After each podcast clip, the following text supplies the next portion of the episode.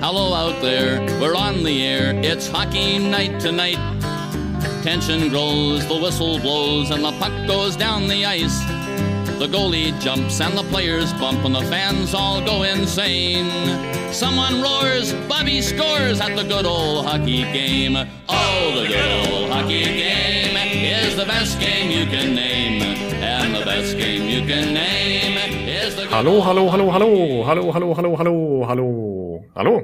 Hallå, hallå och välkomna till NHL-podcasten med eh, Jonathan Mowgli Youngblood Ekeliv i sitt vanliga intro. Hallå, hallå, Hallå där. i Stockholm på redaktionen Ja. vid eh, Centralen och eh, jag då eh, Per eh, Biffen Bjurman på Mm. eh, östra Manhattan i, i New York. En eh, grå eh, onsdag här i stan. Ja, det ska jag säga att det är det här också.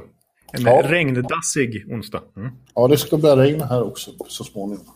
Men eh, det får man väl stå ut med. Vi har haft så vårlikt och, och fint här och eh, det rullar ju på något enormt med, med våra vaccineringsambitioner här. Den här i måndags så var alla plus 30 får eh, vaccineras nu, är berättigade att söka tider och från och med nästa vecka alla över 16.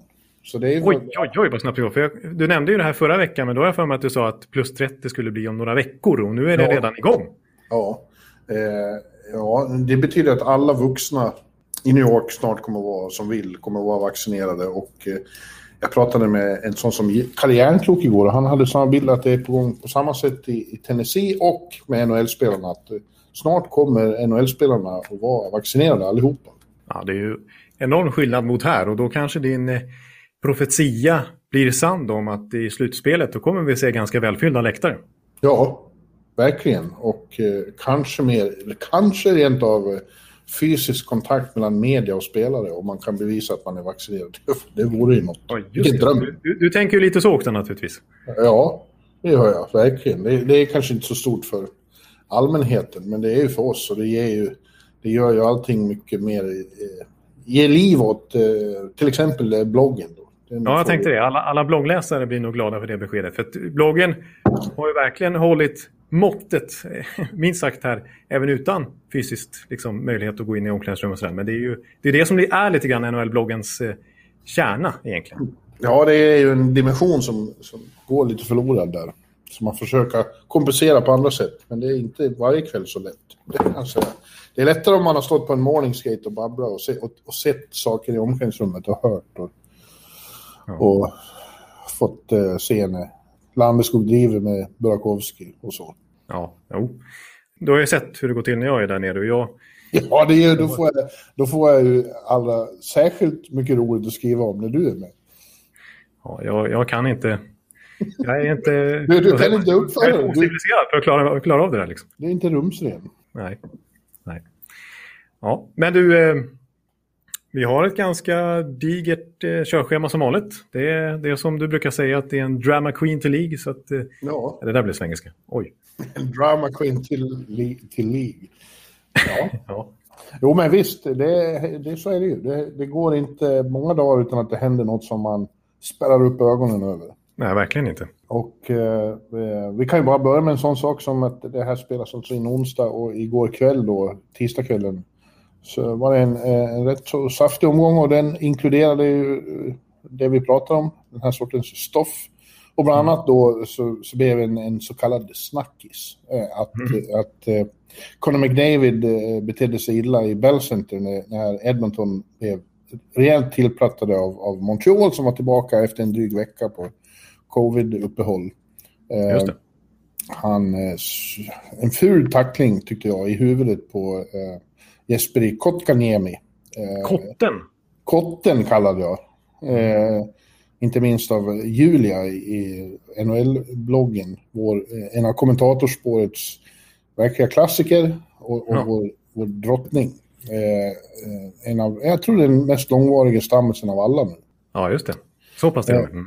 Ja, hon var med redan eh, 08 i slutspelet och sånt och är fortfarande med. Ja, just det. Och extremt stor eh, Montreal-fan. Ja, ja. Eh, eh, Ja, och det var en, en så, så, konstig, onödig situation. Som att han verkligen var grinig bara. Och skar in i banan och, och satte en armbåge i huvudet på Kotkaniemi efter han hade, långt efter han hade spelat pucken. Ja, kanske två sekunder efter han hade spelat bort pucken. Det kändes så i alla fall. Det var inte, han var absolut inte tacklingsbar i alla fall. Nej, exakt.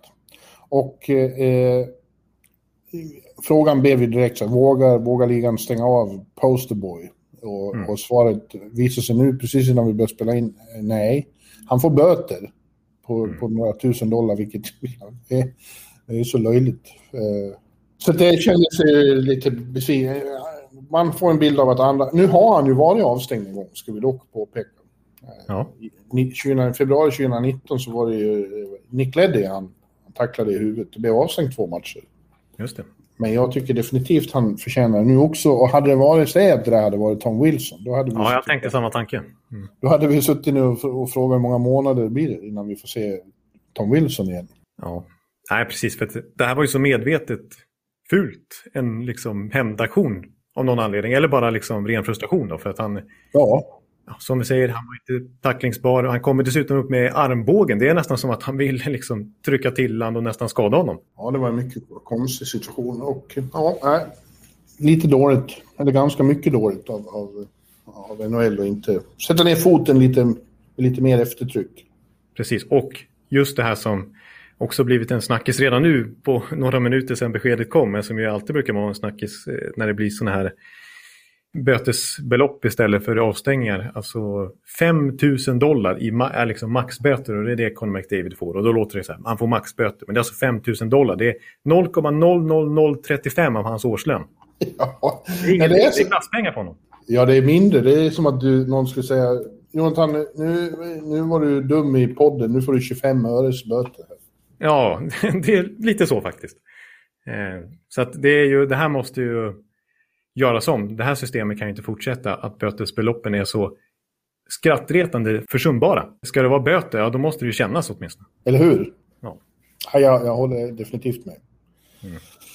Här, här, var, här får vi faktiskt ge en liten... Eh, nu skulle jag, höll jag på att säga någonting ordspråk igen. Jag säger bara att eh, dåligt av NHL. Jag nöjer mig så. Innan det yes. blir något konstigt. Men du, en sak till som hände igår som, som vi kan koppla till något vi ska prata mer ingående om eh, var ju att, att eh, du och alla i Tampa och egentligen alla som tycker om hockey fick ju skrämselhicka eh, i Amalie Arena när, när Victor Hedman brakade in i, i sargen, blev mm. liggande och sen hjälptes av isen och som det såg ut utan att kunna stödja på ena benet. Ja, det, jag var lätt avsvimmad. Ja, det förstår jag. Ja. Det såg ju verkligen illa ut och det hade varit eh, otroligt förödande för, för Tampa som redan har eh, McDonough och Shernack skadade, eller hur? Precis, eh, deras shutdown-par liksom. Redan ja. borta. Eh, men eh, tack och lov då, så några byten senare bara så kom Victor tillbaks. Eh, och ja. sa själv att ja, han hade flyt, det, det gick bra. Påminner lite fast det var ännu mildare än om slutspelet i, i somras när han också försvann en match utan att kunna stödja på benet. Och vi trodde att nu är slutspelet över för hans del och då hade inte. Tampa vunnit någon Stanley Cup. Nej, vi, jag räknar ju bort titeln då. Men han kom tillbaka snabbt också. Det är bra rutor i de där pojkarna från, från Fäbovägen. Jajamän, vet du. Men eh, några dagar tidigare då så hos Florida Panthers gick det inte alls lika bra för. Eh, en snygg eh, övergång, Bjurman. Ja. Man ska göra dem utan att påpeka det, Ekeliv. Nej, förlåt. Det är sant. Det är sant. Nu liksom förstörde jag rytmen lite grann. Ja. Det är som att eh, Mick Jagger skulle sjunga en refräng och säga, avbryta och säga det där var väl en bra refräng. ja, det är sant. Nej, det blir inte så bra. Nej, inga, inga jämförelser i övrigt. Nej, Nej. Nej okej. Okay. Mm. Och vi pratade ju då om Aaron Ekblad nere i Florida Panthers som åkte på en fruktansvärt otäck skada i helgen. Den var, den var riktigt plågsam att se. Ja, faktiskt. Usch. Han vred sönder knä eller ben och han hade så fruktansvärt ont. Så han låg och slog med handflatan i isen och skrek. Och det var ju väldigt lite folk där så det hördes ju för, hela, för alla, liksom hans vrål. Och, ja. och, när sjukvården kom ut så liksom han kastade som halsen på som att hjälp, hjälp mig. Ja. Ja, det var riktigt eh, jobbiga bilder alltså. Ja. Och sen fick jag ju verkligen, ja det var ju bår och grejer liksom. Ja. Ja, det var, det var hemskt. Och, och precis som väntat då så kom ju sen beskedet att, att uh, han blir borta 12 veckor åtminstone. Han ska, måste operera uh, i, i benet, säger man ju. Det är någonstans... Ja, det är någon fraktur, va? Ja. Uh, för Pan här försvann Bjurmans ljud faktiskt av någon anledning i typ 25 sekunder. Så jag får lägga till i efterhand att kontentan av det Bjure sa var att Floridas tapp av Ekblad är ungefär lika kännbart som det hade varit för Tampa med Hedman. Precis, eh, det får man säga. Och jämförelsen mellan de två är väl inte helt dum på andra sätt heller. För jag, han gjorde en ganska bra säsong i fjol också, Ekblad. Och jag vet att det snackades lite grann inför den här säsongen att det var ungefär vid den här åldern som Ekblad är i nu. Som Hedman tog det där sista steget blev en riktig elitvärlds superback. Och det får man säga att Ekblad börjar växla upp till verkligen här under sena vintern och våren. Dessutom finns det ju, eh, de påminner en del om varandra. Även Ekblad är ju ett, stort åbäke. Ja, det är ett åbäke. Mm. Men också uh, rörlig och smart och med, med väldig räckvidd. Inte riktigt på samma nivå som Viktor, men inte långt därifrån. Nej, precis. Uh, alltså det är klart, det, det, är en, det är ju en jättesmäll för Florida som annars ju varit som sensation den här säsongen. Och, han, jag menar, hur stort lag är det han och, för dem? Han och uh, Weger heter han va? Ja, Mackenzie Weger här som jag pratade en hel del om förra veckan. Ja, Weger. Ja, mina uttal. Eh, eh, de har väl varit ett av ligans absolut mest solida backpar den här säsongen.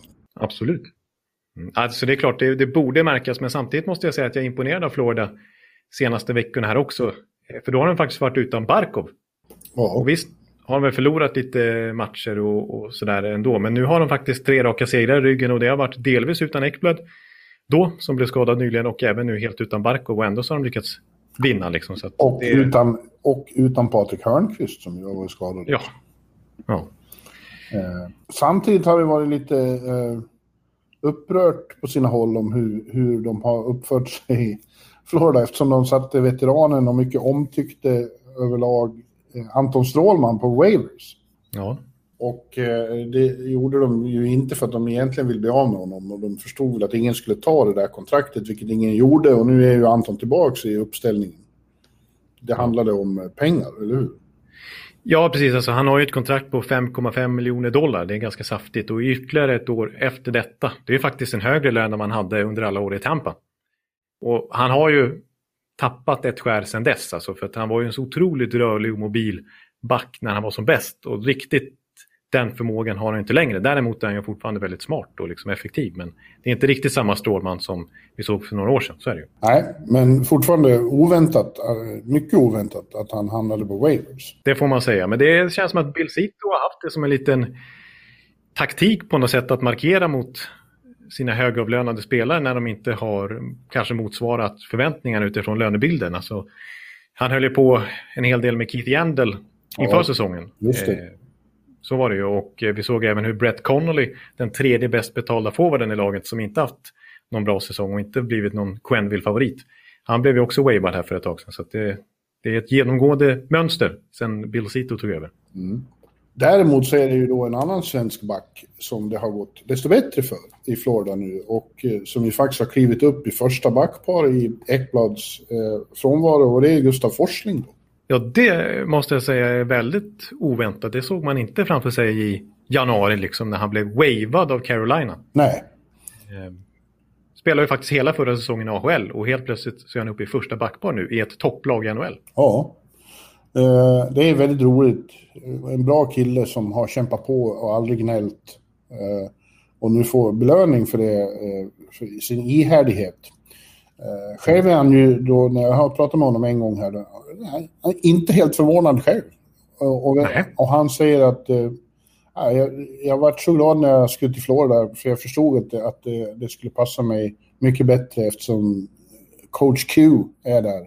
Och han spelade under coach Q i Chicago och fick ju, det var så han började sin karriär och fick eh, mycket förtroende redan tidigt.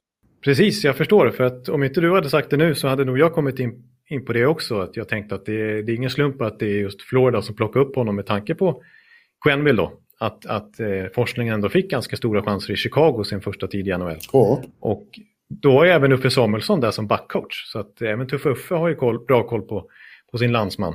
Mm. Så, Eh, de såg ju någonting i Forsling och har verkligen gett honom chansen nu igen i Florida och han har verkligen tagit den för jag tycker han är väldigt bra. Och jag vill dra en koppling igen här mellan spelare som jag har pratat om. Alltså, jag tycker att Forsling utifrån hur han har kämpat sig i NHL och kanske finslipat på vissa detaljer och blivit en bättre defensiv spelare än vad när han kom in så tycker jag att det inte är helt olikt karriärsbanan för just Anton Strålman.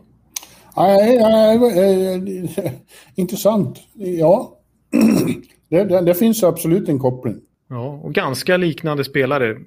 Duktiga skridskoåkare, smarta hockeyspelare, liksom inte kanske den här typiska backtypen. Man, man, nu, nu, nu ser ju backarna helt annorlunda ut än vad de gjorde för 15-20 år sedan, men lever ju väldigt mycket på sitt hockey-IQ.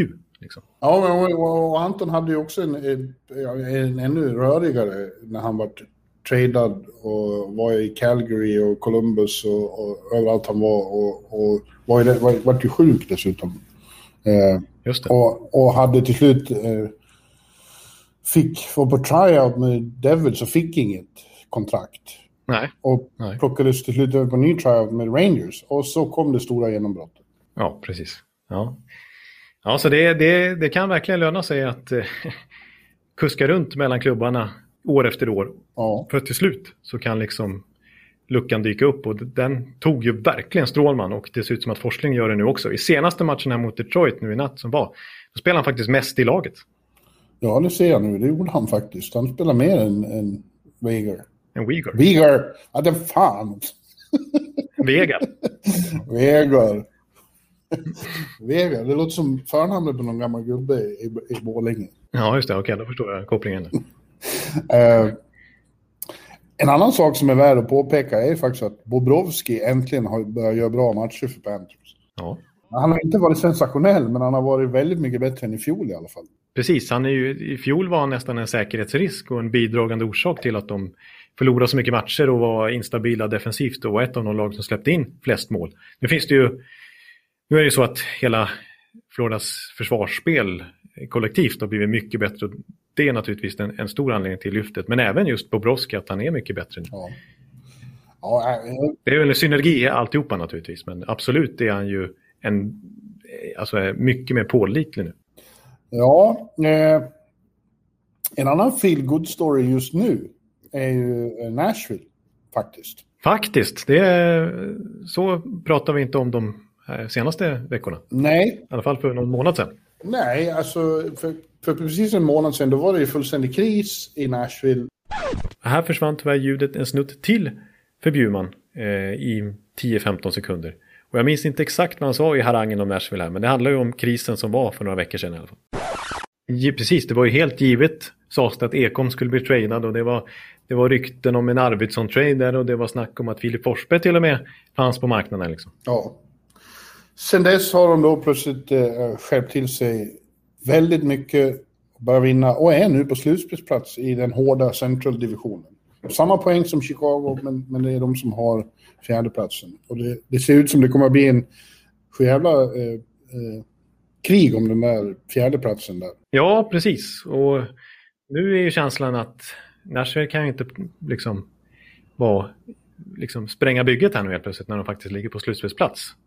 Tvärtom, nu finns det ingen, jag tror definitivt inte någon Ekor med on the block Nej. längre. Nej, precis. Och, just som vi pratade om senast vi snackade Ekholm också, att egentligen sitter ju inte Nashville i en så dålig situation där.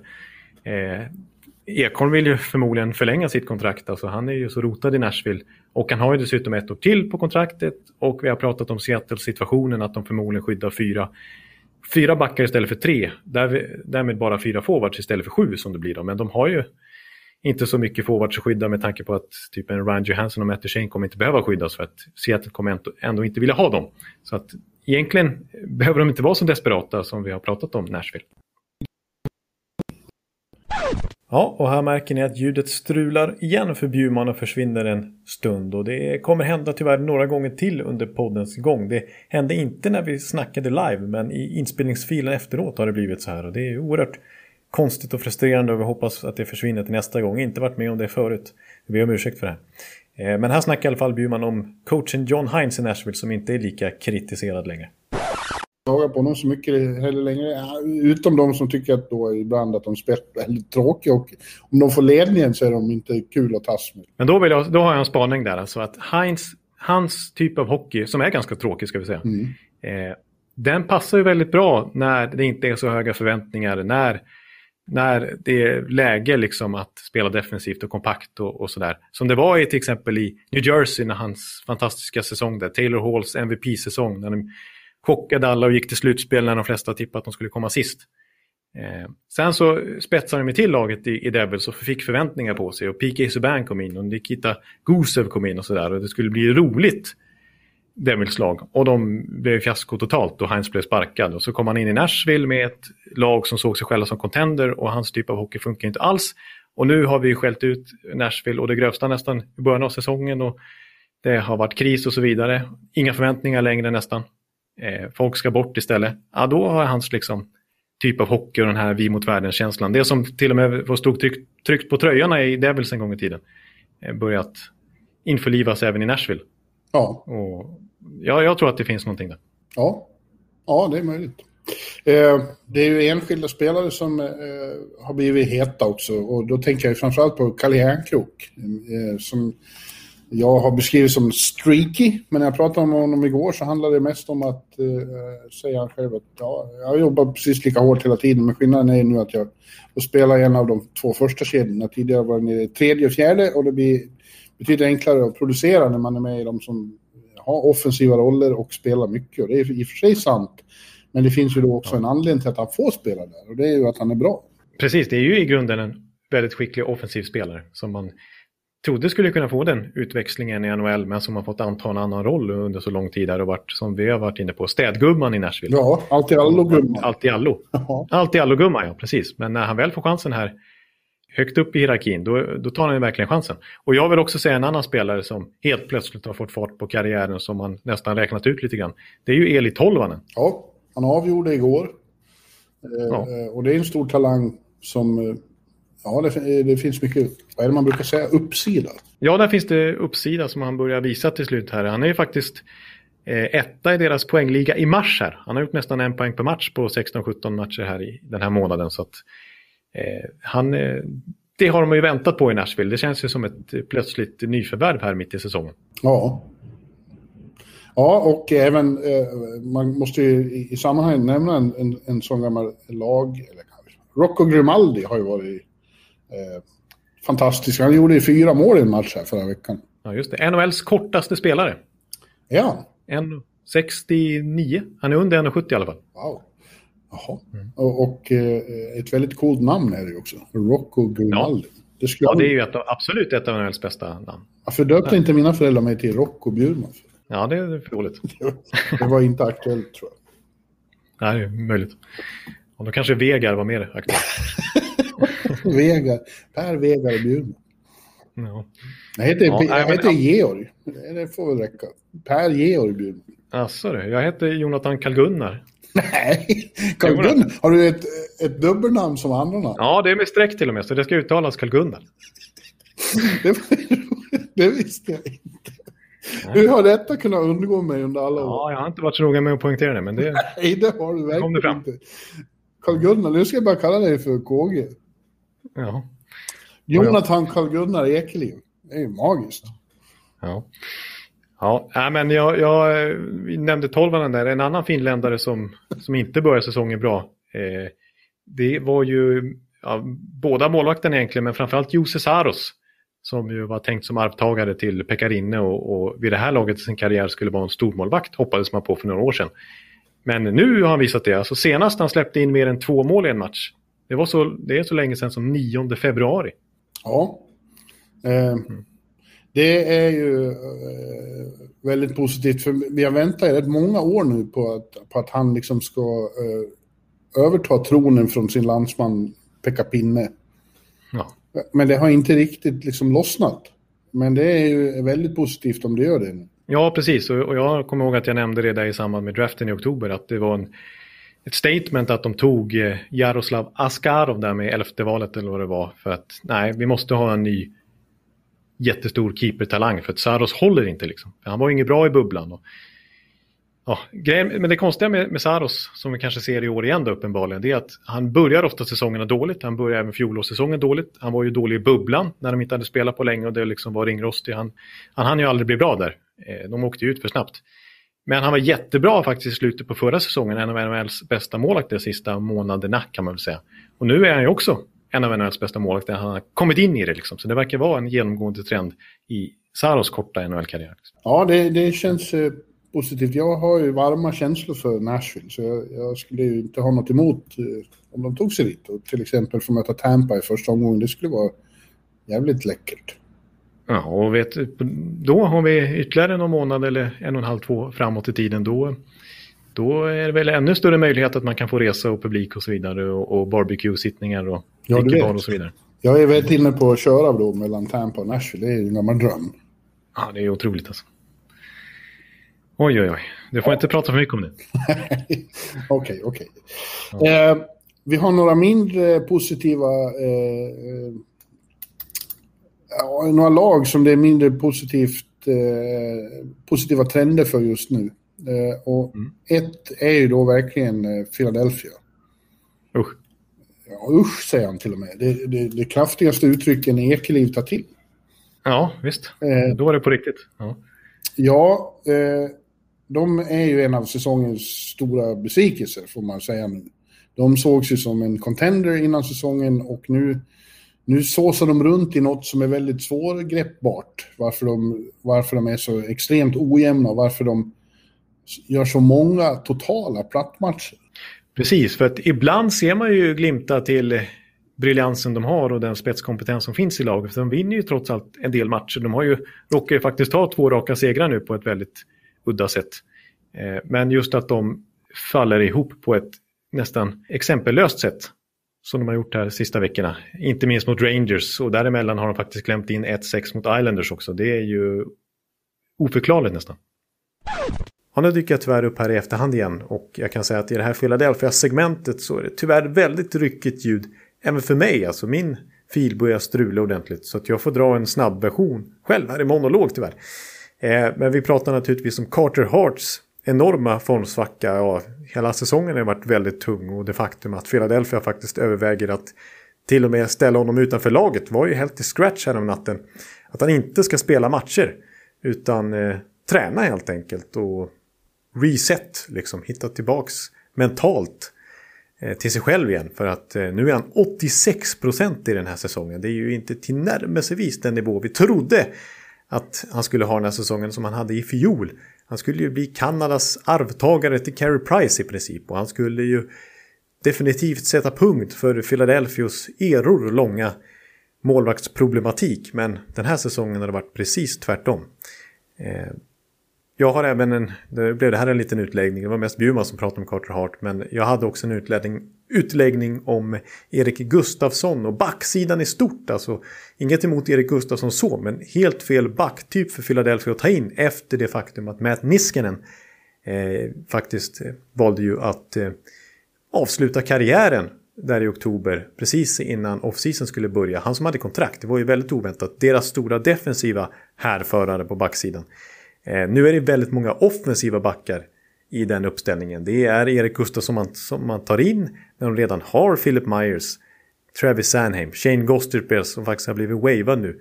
Ivan Provor är vi ju i grunden främst en offensiv back också. Det är, det, det är felbalanserat vill jag påstå av Chuck Fletcher, general manager där. Och jag säger inte att det är hela problemet naturligtvis. Det finns många problem i Philadelphia, men jag skulle vilja påstå i alla fall att Philadelphias balans i backsidan lutar alldeles för offensivt. Att det är en del i att de har så otroligt svårt att försvara sin egen kasse. Men jag frågade faktiskt en, en, en ledare jag känner om vad, vad, problemet är när ett, när ett i grunden begåvat lag eh, hamnar i sånt här att, att, att de blir så inconsistent, att det inte finns någon kontinuitet, att, att det kan vara bra i en match och sen dåligt i andra. Och hans, hans svar var, tyckte jag var intressant han, då är det ofta problem med, med, med kärngruppen, med, med ledarna i laget. Att de inte är tillräckligt seriösa eller eh, eh, tar tag i det. Ja, så han riktar lite åt eh, Chiru-hållet där då? Våra ja, då, ja, då blir det ju de man tittar och, och, och det har jag ju hört förut att de kan vara lite så här bohemiska. Ja. Och att de, att de förr tyckte när det var som hårdast eh, rivalitet med Penguins, att de tyckte att de var hockeytöntar och nördar i Pittsburgh, medan de var mer liksom så här, kom igen nu, det finns annat i livet än hockey. Ja. ja, de skulle behöva en eh, Beng, Bengan Hörnqvist, helt enkelt. Vi såg, ja, alltså för vi såg i slutspelet i bubblan i alla fall att, att det var ju problemet när de till slut åkte ut ganska ordentligt mot Islanders där var ju att eh, toppspelarna levererade inte alls. Okay. Eh, så var det Vad gjorde Giroud? Ett mål i hela slutspelet. Men, men då tycker jag också sånt här kommer tillbaka till att det är coachens eh, ansvar också att vara med och sätta kultur, i, inte minst i den ledargruppen då. Mm. Eh, och eh, nu, nu, börjar det kännas redan darrigt med Vigneault. Alltså. Och ja. eh, är det något vi vet som inte är särskilt hälsosamt så är det att hamna, att som coach hamna i, i i skottgluggen för Flyers fans. För de, de är skoningslösa när de eh, ville bli av med Berube och sen, eh, vad hette han då? He, inte Hextall utan Hackstall. Ja, just det. Just det. Eh, det var ju liksom eh, open season på dem i Philadelphia. Och eh, Vigneault är redan på väg dit. Eh, det, det, brukar ju vara så att han, det går väldigt bra i början av hans stints dit han kommer. Och mm. sen så overstay his welcome. Eh, och, och, snabbt hamna på kant med, med gruppen. Mm. Eh, bland annat för att han är lite arrogant, eh, Vigneault. Eh, han har en, en passive aggressive arrogans som jag föreställer mig blir väldigt irriterande i längden. Ja, det känns inte som det mest sympatiska gänget de har i båset där. De har enormt mycket NHL-rutin. Dels i form naturligtvis av Vigneault men också Michel Terrien som står där. Och även Mike Joe står ju i det där båset. Ja, det ju... känns inte som speciellt entusiasmerande karaktärer. Nej, det kanske är det. Och eh, ja, eh, fortsätter det så här så får nästan Mr Fletcher ta tag i det här. Ja, dyrt att sparka dem, men det kanske är värt det. Ja, det var väl som någon påpekade också. De har ju redan flera coacher på som de avlönar fortfarande och, och det blir väldigt dyrt för dem. Ja. Ja, jag förstår ju fansen lite grann eh, för att eh, Vigneaus taktik när liksom det ska bänkas och så vidare, det är ju inte direkt toppspelarna utan det är ju, eller ja, toppspelare är det ju, men det är de unga. Det är ju sånt som Joel Farabee, kanske den största utropstecknet den här säsongen. Han liksom bänkas ju här på slutet och Oskar Lindblom blir bänkad. Och det är mer de som, som får känna på liksom yxan, vad säger man? Ja, ja, det är mycket, många som är irriterade av det. Men det är ganska typiskt gamla Vigneault-grej att eh, vissa får begå hur många misstag som helst och vara hur dåliga som helst utan att eh, det påverkar deras istid och så, medan andra eh, blir hackkycklingar direkt. Och, eh, som Ghost har ju varit det. Ja. Och nu hamnar han på waivers. Det är anmärkningsvärt med tanke på vilken status han hade för bara något år sedan. Ja, precis. Alltså, han är ju han är bara 27 år gammal och på sitt CV i NHL-karriären finns bland annat en 65 poäng säsong. Liksom. Eh, sen har det varit lite halvdåligt eh, poängmässigt, framförallt sista åren. Inte alls samma nivå, men fortfarande en... Det finns ju väldigt mycket hockey i den kroppen. Och ja. eh, känns som att det inte alls blir förlöst. Liksom. Så att, jag menar, att, att, att, han ska börja bli wavad, det känns att ta det ett steg för långt. Liksom. Ja. Du, nu kom det en liten nyhet. Vi får ju lov, när vi spelar in de här, i synnerhet när vi är så nära trade deadline, så får man hålla koll på Twitter samtidigt. Nyheterna som kommer där. Florida har uh, signat målvaktstalangen Spencer Knight. Uh, där ser man. Han, han är ju en, ett högt draftval för dem för något år sedan. Ja, Och jag måste, jag måste säga att det är ett av de coolare namn jag har hört på länge. Spencer Knight. Ja, det är faktiskt i klass nästan med Rocco Grimaldi. Ja, Spencer Knight. Oh, det låter som en leading man i Hollywood. Spencer Tracy. ja, det, det där flög lite över mitt huvud. Men, eh, Carl-Gunnar hänger inte med. Men eh, eh, ja, men Spencer Knight är ju jättespännande. Men det höll på, Spencer spännande. Ja, förlåt, nej det var inget bra. Eh, det, det, var ju den gamla Florida-regimen som draftade honom eh, så tidigt. Och då kändes det lite konstigt med tanke på att de precis då hade signat, eh, eller precis kort senare signade Bobrovski till det här enorma kontraktet. Mm. Och så signar man en jättemålvaktstalang till det, så det var ju märkligt då. Men vi får se, Spencer Knight kan mycket väl om något år eller två konkurrera ut Bobrovski och bli den nya starten där. Ja. Och du, apropå eh, Bill Zero som ju du fram, eh, gärna, och i viss mån jag också då förstås, eh, ser som årets general manager. Men när vi diskuterade det så dissade du lite eh, när jag eh, framhöll Billy Guerin i, ja. i Minnesota. Mm. För att, att du, du, du pekade på att eh, de som verkligen har lyckats där inte har varit hans eh, signingar och, och trader. Mm. Men på senare tid är det tre stycken som är hans killar eh, som har klivit fram och blivit utmärkta eh, senaste veckorna. Och det är Marcus Johansson, det är Nick Bonino och det är Bjugstad. Det är Garin-killar allihopa. Ja, jo precis. Och, och, de har varit lysande på slutet. Veteraner han hittar, plockar russin ur andras kakor och eh, har fått till en riktigt fin tårta. ja, det är, precis. Han fick ju dem väldigt billigt får man säga. Ja, så att billig, det, är de, det är de två som gör upp om General Manager of the Year-titeln. Jag tycker ju eh, Talbot har varit ganska bra. Vi har pratat mycket om Kekkonen, vilken fantastisk, vilket utropstecken han har varit då. Men även Talbot här på slutet har varit väldigt bra också, som gör en Billigarian signing. Ja. Men kul att se Mojo har kommit tillbaka här. Och, ja, eh, överhuvudtaget, om Minnesota bara har lite flyt för en gångs skull, då kan de gå långt i år. Ja, det är ju tufft att ta sig förbi både Colorado och Vegas i den där divisionen, men, men eh, visst. Ja, men det kan, kan ju stå ett hopp till att de två liksom krigar ihjäl varandra. Ja, jag vet. Ja, mm.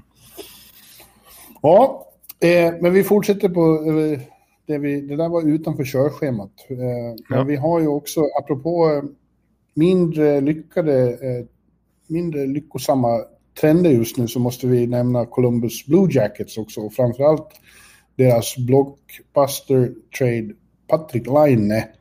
Ja. Eller hur säger Jarko det? Patrik Laine. Laine. Sen han kom då, han, han har gjort ett mål på 16 matcher och eh, säger själv att det går väldigt tungt. Han har aldrig varit med om något sånt här. Och problemet är ju att han är under John Tortorellas tumme. Jag tycker att Tårtans sämsta sida som coach, om vi bortser från hans eh, temperament och, och sociala handikapp, höll jag på att kalla det. Mm. Eh, att han blir så förbannad hela tiden. Mm. Eh, hans absolut sämsta sida som coach är ju just det här han håller på med nu med Line, att alla ska stöpas i samma form. Även en Line måste göra precis som alla andra och därmed ta bort hans unika, eh, det han bidrar med unikt. Det var precis samma sak med Gabrick här i New York. Mm. Och då blir han så förbannad envis, Tortrella, så att han viker inte en tum. Nej, jag håller helt med om det. Han, jag ska säga det bara att Line gjorde väl en tre, fyra mål direkt när han kom, men sen har det gått i stå totalt. Så bara, nu har han precis en svit på 16-17 matcher med bara ett mål. Men, ja, men han får inte spela som han vill alls, utan han ska vara liksom gnugga och täcka skott och, och, och vara i egen zon och, och, och liksom kriga som alla i alla Torrella-lag alltid har tvingats till. Precis. Även de som, som är artister. Och alltså, ja, ja säger du. Nej men Line säger ju själv att visst, eh, han vill bli en mer komplett spelare och visst, eh, i dagens NHL måste man vara en 200 foot player som Tortorella säger alltså till viss del. Men samtidigt säger han ju att hans, eh, han är ju inte van vid att vara nere i sargerna och böka och, och göra det jobbet. Visst, det är ju det, det, det tycker man att han ska klara av bättre också. Men samtidigt säger han ju då att han, han är ju den som står i slottet. Han är ju den som ska vara spelbar när pucken grävs fram. Eh, och, och det får, han kommer inte ens till, till lägen i Columbus nu. Utan, för det är det han är lite orolig för själv. Att han har bara, på de här 17 matcher är nu som han bara gjort ett mål. Så han har bara skjutit 33 skott. Det är mindre än två skott per match. Ja. Det är ju katastrofdåligt för en så bra spelare. Och, och, det är det han är orolig för. Han, han, liksom, när han har haft långa målsvackor tidigare så har han i alla fall skapat lägen. Men han har inte haft någon tur. Liksom. Men nu, han säger själv, han kommer inte ens till lägen. Liksom. Nej, och, frågan blir den här, varför i helvete skulle de trada för honom så dyrt om de skulle göra om honom till vilken gubbe som helst? Då kan de väl lika gärna ta någon, någon fjärde kedja kille någonstans och, och, och plugga in i maskinen. Vad, vad, vad ska det betala dyrt för en line om du ändå inte ska använda line till det line är? Nej. Och det, det, är ju särskilt anmärkningsvärt med tanke på att uh, de har en finsk general manager, Kekkilainen, som vet exakt vad line är för någon. Ja. Precis. Ja, jag, jag fattar inte. Jag, jag blir otroligt irriterad på Torrella när han är på det här sättet. Och jag, hans kontrakt går också ut nu, så eh, good riddance. Det är dags att, att lämna scenen. Ja, precis. Det är faktiskt intressant hur, hur Columbus kommer fortsätta nästa säsong om, om Tortorella försvinner, om det blir en ny karaktär på laget och, och om det kan få Line till och med att stanna i så fall. Eh, han har också utgående kontrakt men han är ju faktiskt RFA så han har inte så mycket makt. Men som läget är just nu så har jag väldigt svårt att se Line skulle vilja skriva på ett nytt kontrakt. Aldrig. Han, han kommer inte att... Om Tortorella är kvar, det finns inte en chans att han kommer att, att signa för... Då åker han hellre hem till Finland tror jag. Ja, faktiskt. Och, men samtidigt, alltså Columbus, alltså de centra han har med sig där. Han klagar ju på att han fick spela med Brock, Brock Little, höll jag på att säga, med Brian Little i, eh, i Winnipeg hela tiden och att han aldrig fick chansen ordentligt med Mark Scheifele. Liksom. Eh, när han väl fick spela med Paul Stastny gick det ju bra. Liksom, han behöver ju ha en, be, I och med att han inte är den där 200 foot player som liksom gör jobbet överallt och, och lyfter sina lagkamrater och. Så han är ju, det är det som är lite problemet med Linert trots allt och som Tortorella i alldeles för hög grad försöker rätta till. att han är ju liksom ingen komplett spelare som lyfter sin omgivning så, utan han är ju beroende av ganska bra lagkamrater och en bra center för att kunna prestera. Han, han klarar inte på NHL-nivå av att leda en kedja. Liksom. Riktigt. Eh, han... Nej, så är det ju. Men, men det, det, visste de ju igen. Det visste de ju när de tradade för honom. Ja. Att uh, han, han, bidrar med en dimension som är jävligt viktig och det är ju mycket mål. Precis, så uh, får han spela med en ja. Men du menar att det finns inga bra center? Nej, det är det som är lite Om man kollar, alltså inför säsongen så kändes det faktiskt, kändes ju Columbus centersida ganska spännande ändå. Tyckte vi, kommer ihåg att vi kommenterade, alltså med Dubois som var där då. Eh, och Max Domi som kom in som andra center eh, i en nytändning kanske, visserligen under Tortorella då, men och sen Mikko Koivu då som veteran som tredje center, men nu är ingen av dem, alltså Dubois är borta och eh, Koivu la av och Max Domi är i samma situation som Line, att eh, Tortorella inte litar på honom och att han får spela ytterforward. Nej, han har ju, han har ju, han har ju kväst Domi också. Och, alltså, att de inte ser det här i Columbus någon gång, att, att eh, han förstör de stora talangerna och jagar in the end iväg dem. Ingen vill ju vara kvar. Nej, Nej det är ju ett genomgående tema. Då får de väl hålla på att bygga sin vi mot världen då. Vi, vi ska minsann visa. Vi, vi får ingen respekt och så. Men vi förtjänar ju fan ingen respekt när det, när det är på det viset. Nej. Nej, nej, så att eh, man hoppas ju, alltså jag har redan börjat tänka lite grann vart skulle Line, vart skulle man vilja se honom någonstans? Så, ja, det är många lag man skulle vilja se en Line i, men jag tänker kanske det som jag lutar åt mest, som jag tycker känns ganska realistiskt, det är Kalifornien. Jag tänker dels kanske Anaheim för att det vore coolt med Sellene-kopplingen där, men, men jag tänker framförallt faktiskt, eh, apropå att ha en, en bra center in till sig också, LA Kings, som jag har så mycket prospect som skulle kunna deala med med Columbus och att han får spela med Kopitar. Ja, ja. Kopitar. Kopitar. Även som kan göra jobbet över hela banan och, och liksom bana väg lite grann. Det lät lite som Erik Niva. Kopitar. Kopitar. Det, det, är ju så, han är ju bra. ja, men jag tror, alltså, jag tror även att Line skulle trivas väldigt bra som person också i, Absolut. Är, han är ju en av de stora scenernas man. Det är ju helt uppenbart. Han ska ju ja. vara i New York eller Los Angeles eller du vet. Dallas är ett, ett gammalt finskt storlag. Eh. De har väl inte riktigt plats och råd. Men tror du det finns någon möjlighet att, att Columbus redan eh, nu kan komma och trada honom? Eh, eh, nej, jag ser inte riktigt det. För jag ser inte riktigt att... Men nog skulle de kunna få jävligt mycket för en line som eh, kan på nytt födas i ett, eh, i ett slutbeslag. Eh, New York Islanders. Ja, och snacka om oväntat drag av, av Lou. Ja, visserligen. Ja, ja precis. Men undrar om, ja, om, om Line är en perfekt spelare i ett Barry Trotz-system. Nej, kanske inte. Men, men bättre. Jag tror att Barry är mer flexibel i hjärnan än vad, än vad Torts är. Ja, ja visserligen. Jarko, han hoppades på trade nu i alla fall. Han gör det? Ja. ja. Jaha, nu dyker jag upp en sista gång så här i efterhand för att nu sätter vi faktiskt punkt för det här avsnittet i förtid. Vi hade egentligen 20 minuter inspelat material till men det blev för struligt att klippa ihop det för mig faktiskt eh, när det är så ryckigt med ljudet. Vi hade ett specialsegment där vi pratade om vad vi tycker varit bäst och sämst med den här säsongen hittills. Eh, spelschemat om vissa spelare, vissa lag. Eh, till och med tv-kommentatorer i USA hade Bjurman en kommentar kring. Men eh, det blir inget med det, tyvärr. Och vi får kolla vad det här felet beror på så att det inte händer igen. För det är ju oerhört frustrerande. Eh, men vi återkommer igen nästa vecka med ett nytt avsnitt. Och hoppas att ni lyssnar då igen. Och tills dess önskar vi glad påsk. Hallå, hallå, hallå. Hallå, hallå, hallå. Alex Chiazot, Joe Luis Arena och Esposito. Esposito. Uttalsproblem, men vi tjötar ändå.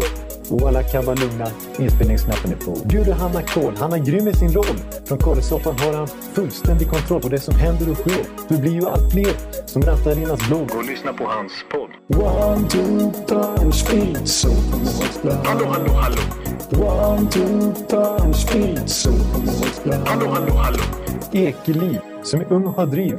Verkar stor och stark och känns allmänt massiv. Han hejar på Tampa och älskar Hedman. Sjunger som Sinatra. Ja, och där ser man. Nu är det dags för refräng.